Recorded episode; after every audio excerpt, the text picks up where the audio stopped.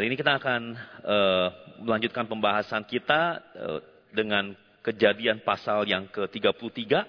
Kita akan membahas kisah tentang Yakub. Maka saya undang kita membaca bagian firman Tuhan ini. Uh, kejadian pasal ke-33 ayat yang ke seluruh ayatnya. Kita tapi kita akan membaca beberapa bagian saja. Kejadian 33 ayat 1 sampai 4 terlebih dahulu. Kalau sudah mendapatkan maka saya akan bacakan bagi kita sekalian. Demikian firman Tuhan. Saya membacakan dari Alkitab terjemahan baru yang kedua. Yakub melayangkan pandangnya dan melihat Esau datang bersama 400 orang. Lalu diserahkannya sebagian dari anak-anak itu kepada Lea, sebagian kepada Rahel, dan sebagian lagi kepada kedua hamba perempuan itu yang menempatkan hamba-hamba perempuan itu beserta anak-anak mereka di depan, Lea beserta anak-anaknya di belakang mereka, dan Rahel beserta Yusuf di belakang sekali. Dan ia sendiri berjalan di depan mereka. Ia sujud sampai ke tanah tujuh kali, hingga ia sampai ke dekat saudaranya itu. Tetapi Esau berlari mendapatkan dia, mendekapnya, memeluk lehernya, lalu diciumnya dia. Mereka pun bertangis-tangisan. Lalu kita lihat ke ayat yang ke-8. Esau berkata, untuk apakah seluruh rombonganmu yang telah bertemu dengan aku tadi? Jawabnya, untuk mendapat kemurahan hati tuanku. Tetapi kata Esau, yang ada padaku sudah banyak adikku. Biarlah yang ada padamu tetap milikmu. Sahut Yakub, janganlah kiranya demikian. Jika aku mendapat kemurahan hatimu, terimalah pemberianku ini dari tanganku. Karena melihat wajahmu saja bagiku serasa melihat wajah Allah. Dan engkau berkenan kepadaku. Terimalah kiranya pemberianku ini yang telah kubawa kepadamu. Sebab Allah telah mengasihani aku dan aku mempunyai segala-galanya. Lalu ia mendesak Esau sehingga Esau menerimanya. Kata Esau, baiklah kita berangkat meneruskan perjalanan aku akan berjalan bersamamu. Kemudian kita lanjut ke ayat ke-15 bagian B. Tetapi aku berkata, mengapa harus demikian? Cukuplah aku mendapat kemurahan hati tuanku saja. Pada hari itu juga Esau melakukan perjalanan pulang ke Seir.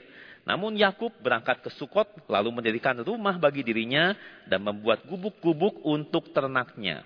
Itulah sebabnya tempat itu dinamai Sukot. Eh, Yakub tiba dengan selamat di Sikem di tanah Kanaan dalam perjalanannya dari Padan Aram. Lalu ia berkemah di sebelah timur kota Sikem. Kemudian ia membeli dari anak-anak Hemor, ayah Sikem, sebidang tanah seharga seratus kesita. Di situ ia memasang kemahnya, ia mendirikan mesbah di situ dan menamainya El adalah Allah Israel. Sampai semikian jauh pembacaan firman Tuhan pada hari ini. Saudara pasal yang kita baca ini mengisahkan tentang rekonsiliasi yang terjadi antara Yakub dengan Esau. Ya, saudara saya sedikit sedikit flashback yang saudara mungkin uh, sudah familiar ya. Saudara siapakah Yakub dan Esau? Mereka adalah saudara kembar tetapi kemudian menjadi musuh bebuyutan. Saya rasa ini satu hal yang sangat tidak biasa ya. Saya hampir tidak pernah dengar ada kembar ya itu bermusuhan. Biasanya itu apet sampai mati ya. Tapi di sini bisa jadi musuh bebuyutan. Kenapa? Kita tahu karena Esau atau Yakub itu memperdaya Esau kakaknya, kokonya itu sampai dua kali. Ya, dan yang da, Yakub dapat itu tidak main-main. Dia bukan hanya menipu daya, memperdaya untuk sekedar uang atau sekedar emas atau barang berharga, tidak. Ya, tapi yang pertama dia mendapatkan hak kesulungannya. Dia berhasil menukarnya dengan semangkuk sup kacang merah. Yang kedua, dan yang lebih penting juga adalah berkat khusus dari Ishak papanya. Ya, yang sebetulnya diperuntukkan hanya bagi Esau. Ya, lalu bagaimana caranya dia memperdaya? Dia berpura-pura menjadi Esau. Karena papanya waktu ingin kasih berkat sudah tidak bisa melihat dengan jelas. Maka dikenakan kulit kambing ya supaya karena Esau berbulu ya lalu dimasakkan uh, makanan kesukaan Ishak dia pikir itu dari Esau ya dan tipu daya Yakub itu berhasil. Nah, saudara tahu kelanjutan ceritanya. Sejak saat itu Esau berikhtiar untuk membunuh Yakub dan Yakub pun kabur melarikan diri. Nah, saudara, waktu berlalu dan sejak Yakub tinggal di rumah Laban, di rumah pamannya, dia berhasil mengumpulkan harta miliknya, dia membangun keluarga sendiri. Nah, sekarang saudara tiba waktunya Yakub kembali ke tanah Kanaan dan dia bersiap-siap menjumpai Esau.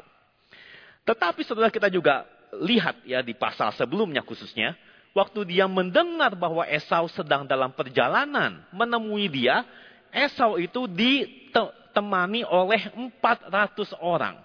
Dan hal ini membuat Yakub menjadi sangat ketakutan dan dia sangat tertekan.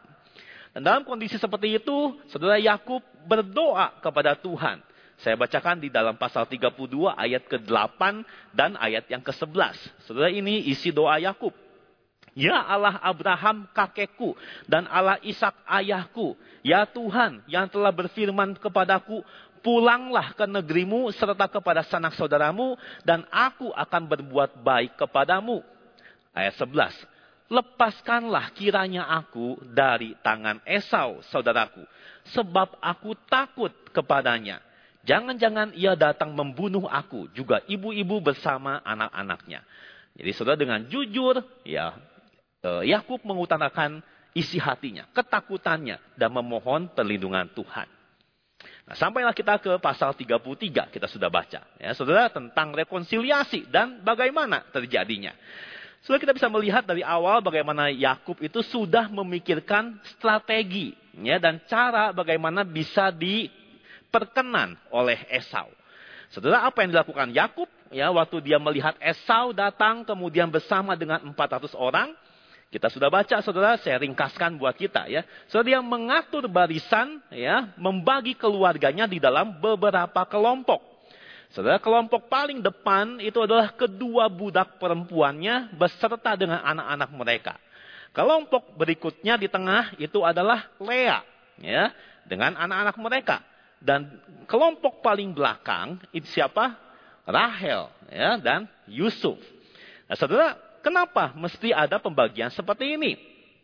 Supaya kalau Esau itu tiba-tiba menyerang, maka yang mati duluan itu adalah di depan. Ya, yang lebih belakang punya kesempatan untuk kabur. Saudara, dari sini saja kita bisa lihat ya, semua orang tahu ya siapa yang paling disayang oleh Yakub. Nah, jelas pengelompokan ini dimaksudkan untuk berjaga-jaga untuk penyelamatan diri. Nah, selain itu sudah perhatikan juga sikap Yakub di ayat yang ketiga. Dikatakan bahwa dia berjalan mendekati Esau dan sujud sampai ke tanah sebanyak tujuh kali. Sudah istilah ini sujud sampai ke tanah, tanah itu tuh rata gitu ya. Sampai uh, seperti tiarap di tanah. Sampai tujuh kali. Menurut para penafsir, saudara sikap sujud seperti ini sebetulnya adalah tata krama yang digunakan di istana. Jadi protokol kalau kita masuk istana kerajaan. Yang saudara melalui sikapnya ini, Yakub betul-betul itu ingin menunjukkan betapa dia merendahkan diri di hadapan Esau. Saudara, jadi kita bisa bayangkan ya bahwa Yakub itu sangat berhati-hati dengan Esau. Sikapnya menunjukkan Yakub itu masih dikuasai oleh rasa takut. Ya, dia masih diselimuti oleh perasaan bersalah akibat perbuatannya di masa yang lampau. Tetapi saudara perhatikan, apa respons atau reaksi dari Esau? Ayat keempat disebutkan, tetapi Esau berlari mendapatkan dia. Mendekapnya, memeluk lehernya, lalu diciumnya dia. So, sementara Yakub dengan sangat hati-hati dan gentar bersujud sampai ke tanah berkali-kali. Saudara Esau, dia tidak peduli dengan semua tata kerama itu. Dia berlari, dia memeluk dan mencium Yakub. So, saya rasa Yakub terkejut dengan tindakan kakaknya. Ya, pasti Yakub merasa sangat lega dan sangat sukacita. Lalu mereka pun bertangis-tangisan. Saya susah sekali mendramatisir ya, tapi kalau difilmin saudara itu pasti sangat mengharukan, sangat mengharukan. Lalu pembicaraan pun dimulai. Ya, Esau tanya, ya, siapa orang-orang yang bersama dengan Yakub ini? Lalu Yakub menjawab seperti ini, anak-anak yang telah dikaruniakan Allah kepada hambamu ini? Esau bertanya tentang serombongan orang yang datang menemuinya terlebih dahulu lalu membawa banyak hadiah. Lalu Yakub menjawab, untuk apa? Ya, untuk mendapatkan kemurahan hati tuanku. Sudah perhatikan bahasa yang dipakai oleh Yakub. Dia menyebut diri hamba, dia menyebut kakaknya sebagai tuan. Lagi-lagi menunjukkan bagaimana dia merendahkan dirinya. Nah, saudara semua pemberian Yakub itu tadinya dimaksudkan untuk meredakan kemarahan Esau atau murka Esau. Seperti menyuap Esau gitu ya. Supaya Esau mau berbaikan dengan e, dirinya. Tetapi sesudah dia menyaksikan sambutan Esau yang begitu hangat. Maka Yakub tetap ingin memberikannya sebagai sebuah tanda rekonsiliasi. Yakub seperti ingin menebus dosanya kepada Esau di masa lalu. Akhirnya sesudah didesak, Esau pun bersedia menerima pemberian Yakub. Nah, kemudian saudara Esau mengajak Yakub untuk berjalan ke tempat Esau, kemudian tinggal bersama-sama dengan dia di Seir. Saudara, tetapi Yakub dengan halus Ya, dia menolak tawaran Esau ya dengan alasan ternak-ternaknya, ya, anak-anaknya itu terlalu letih. Lalu mereka pun akhirnya berpisah. Ya, Esau berjalan ke Seir, sedangkan Yakub berangkat ke Sukot, kemudian ke Sikhem. Di sana dia membeli sebidang tanah, mendirikan mesbah di situ, dan diberikan nama El adalah Allah Israel. Artinya, El itu saudara adalah Allah yang kuat, Allah yang hebat. Dialah Allah Israel. Saudara maka kita bisa lihat mesbah ini menjadi sebuah pernyataan iman Yakub. Ya, bahwa Allah adalah Allah yang menepati janjinya dan memberikan kelepasan kepadanya. Setelah itu ringkasan dari pasal 33. Saudara maka saya mengajak kita mencoba untuk merenungkan apa yang bisa kita pelajari dari kisah rekonsiliasi ini. Sudah setidaknya ada satu hal yang bisa kita dapatkan ya. Bahwa tindakan pendirian mesbah bagi Tuhan itu menunjukkan kesadaran Yakub bahwa faktor utama di dalam rekonsiliasi antara dirinya dengan Esau adalah semata-mata karya anugerah Tuhan. Jadi faktor utama sampai mereka bisa rekonsiliasi ini adalah anugerah Allah. Itu sebabnya dia mendirikan mesbah. So, saya akan jelaskan bagi kita ya. So, nama Yakub ya kita tahu itu punya arti penipu. Nama Yakub itu penipu dan pengalaman hidupnya yang mengkonfirmasi hal itu. Ya, Saudara kan kadang-kadang nama tidak sesuai dengan dengan kehidupan ya. Namanya Sugih tapi hidupnya nggak nggak sugih gitu ya. Kalau ini saudara Yakub penipu, hidupnya juga penipu. Nah, saudara untuk menjadi pandai sampai kita bisa tipu menipu, saudara mesti bagaimana? Mesti banyak akal dong, ya. Saudara kalau kita kurang pintar, bagaimana kita bisa menipu? Kita pasti banyak ditipu, ya. Nah, saudara Yakub itu orang yang banyak akal. Kita lihat bagaimana Yakub sudah mempersiapkan segala hal dan memperhitungkan segala kemungkinan. Saudara, dia sangat berhati-hati dengan ucapannya, dengan sikapnya. Dia betul-betul merendahkan diri, menyebut diri hamba. Dia bersujud sampai ke tanah, ya. Dan dia sudah siapkan banyak pemberian, ya, untuk menyenangkan hati Esau. Saudara mungkin sebagai saudara kembar, ya, Yakub sudah kenal Esau itu orangnya seperti apa. Jadi dia pikir, dia berharap dengan semua strateginya itu, hati Esau luluh. Murkanya itu reda. Tetapi Esau juga sepertinya orang yang sangat to the point. ya Orang yang sangat apa adanya, belak-belakan. Kalau sampai Esau berniat untuk membunuh, saudara Esau tidak akan basa-basi. ya Waktu berhadapan akan langsung menyerap, menyerang.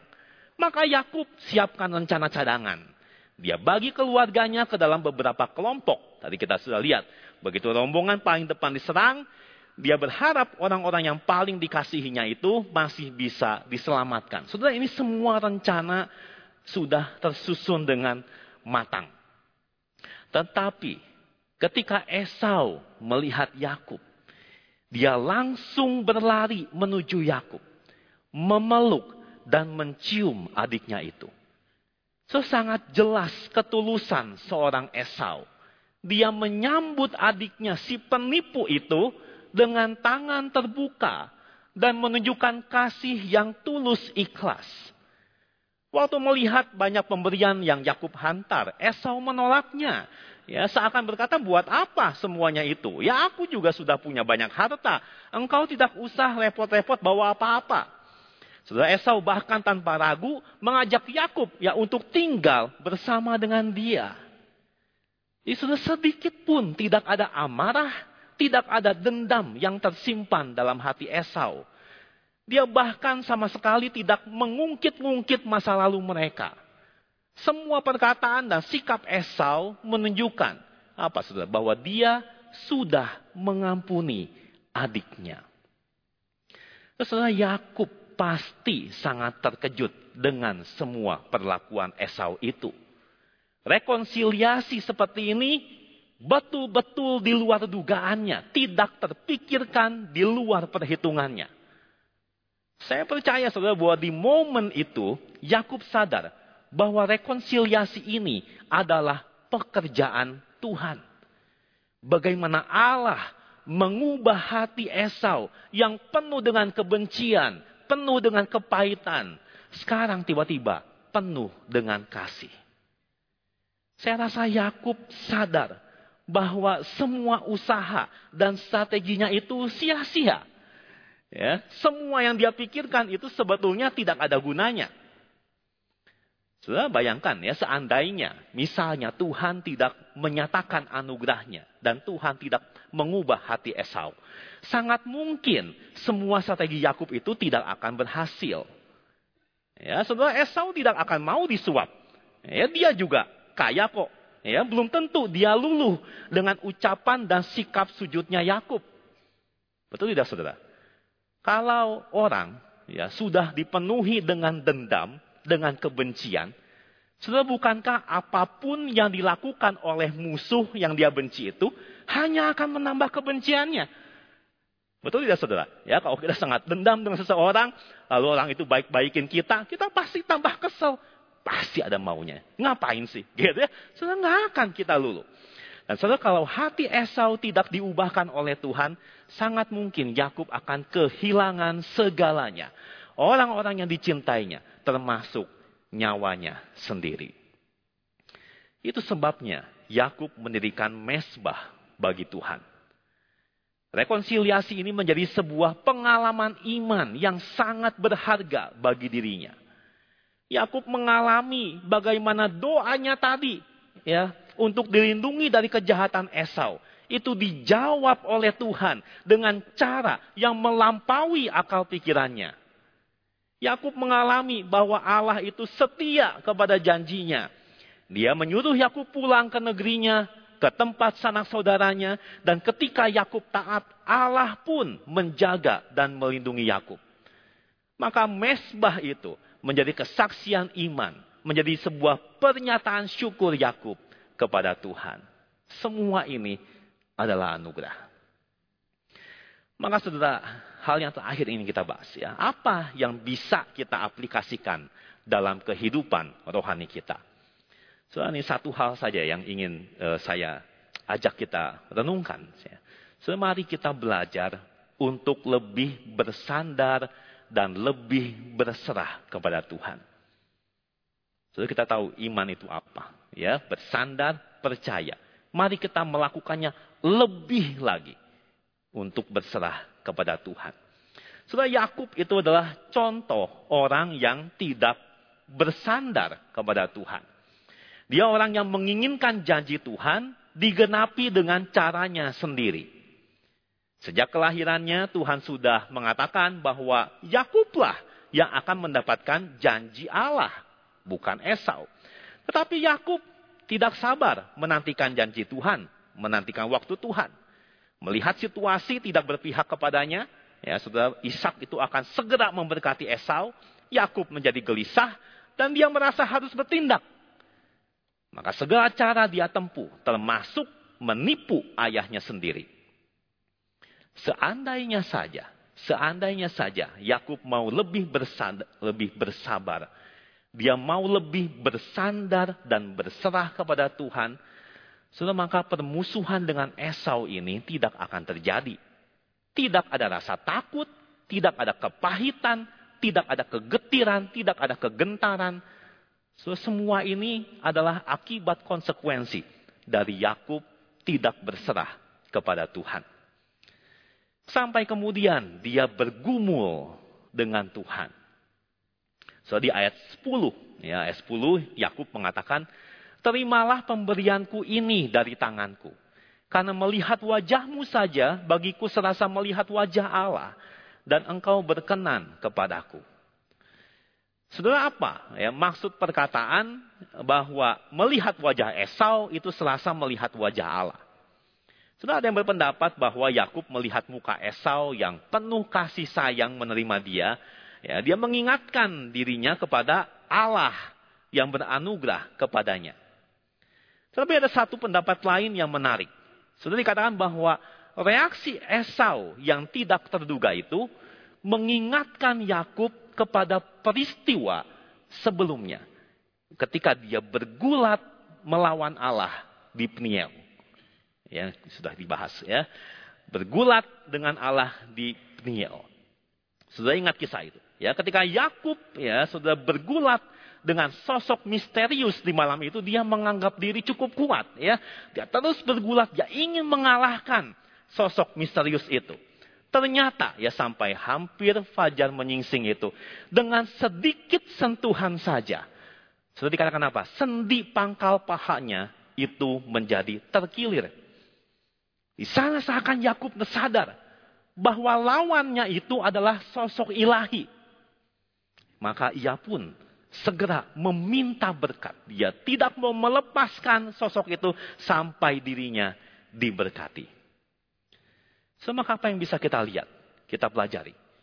Bahwa di saat kekuatan Yakub itu dilumpuhkan. Di saat sendi pangkal pahanya itu diremukan. Tidak ada siapa-siapa lagi yang bisa dia andalkan selain Allah. Dan di saat itulah dia memohon berkat Tuhan. So inilah dia temukan untuk dipulihkan. Dia mengandalkan kekuatannya sendiri, kepintarannya sendiri, sampai betul-betul Tuhan menjadikannya tidak bisa apa-apa. Baru dia sadar bahwa yang bisa dia andalkan hanyalah Tuhan. Dan di situlah dia mulai dipulihkan. Setelah itu, saudara, jalannya Yakub itu terpincang-pincang. Tetapi dia berpegang kepada janji berkat Allah. Maka waktu dia melihat wajah Esau yang penuh kasih, sudah segera dia teringat ini adalah wujud nyata berkat Allah. Bukti perlindungan Tuhan bagi dirinya. So, saya rasa sosok Yakub dapat mewakili kita, ya, setiap kita di tempat ini.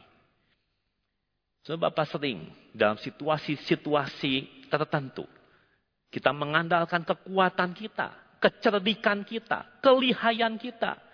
Kita ingin mendapatkan sesuatu yang kita inginkan. Lalu kita punya banyak akal, kita menyiapkan beberapa strategi dan rencana cadangan. Kemudian, saudara, ternyata yang terjadi tidak sesuai harapan kita. Malah kita terpuruk. Situasi tidak terkendali. Kita kemudian sangat terdesak dan terjepit. Maka sudah mari kita belajar seperti Yakub. Waktu tidak ada jalan keluar, arahkanlah hatimu kepada Tuhan. Biarlah kita berseru dan berserah kepada Tuhan. Sudah mungkin momen itu menjadi satu momen emas di mana Tuhan melawat kita. Kita disadarkan bahwa kita tidak boleh bersandar kepada kemampuan kita sendiri. Dan itu momen di mana kita angkat tangan berserah kepada Tuhan. Saya ingat sekali satu ayat yang sering dinyanyikan waktu sekolah minggu. Ya, saya harap ini jadi satu bekal bagi kita semua. Dari Amsal pasal 3, ya, ayat 5 sampai 6. Percayalah kepada Tuhan dengan segenap hatimu. Dan janganlah bersandar kepada pengertianmu sendiri. Akuilah dia dalam seluruh hidupmu, maka ia akan meluruskan jalanmu. Sekali lagi saya, saudara saya tidak tahu apa yang menjadi pergumulan masing-masing kita saat ini. Semungkin, mungkin dalam pekerjaan, dalam bisnis kita. Kita menginginkan sesuatu, keuntungan yang lebih besar. Lalu mungkin kita menempuh jalan pintas. Tetapi tiba-tiba situasi terbalik. Kita berada dalam situasi yang sulit dan terpuruk. Mungkin, mungkin saudara, kita membangun rumah tangga tidak berlandaskan kebenaran firman Tuhan. Kita menempuh jalan kita sendiri yang kita pikir lebih baik. Lalu ternyata rumah tangga kita berantakan rumah tangga kita berada di ujung tanduk. Lalu kita mulai putus asa. Lalu kita mulai malu dan ragu, minta tolong kepada Tuhan. Karena toh situasi ini akibat kesalahan kita sendiri. Semari saat ini, apa pun yang menjadi pergumulan yang kita hadapi, datanglah kepadanya Mari memohon belas kasihan Tuhan. Memohon anugerah Tuhan. Bertobat dari dosa-dosa kita. Minta Tuhan mampukan kita untuk bersandar kepada Tuhan.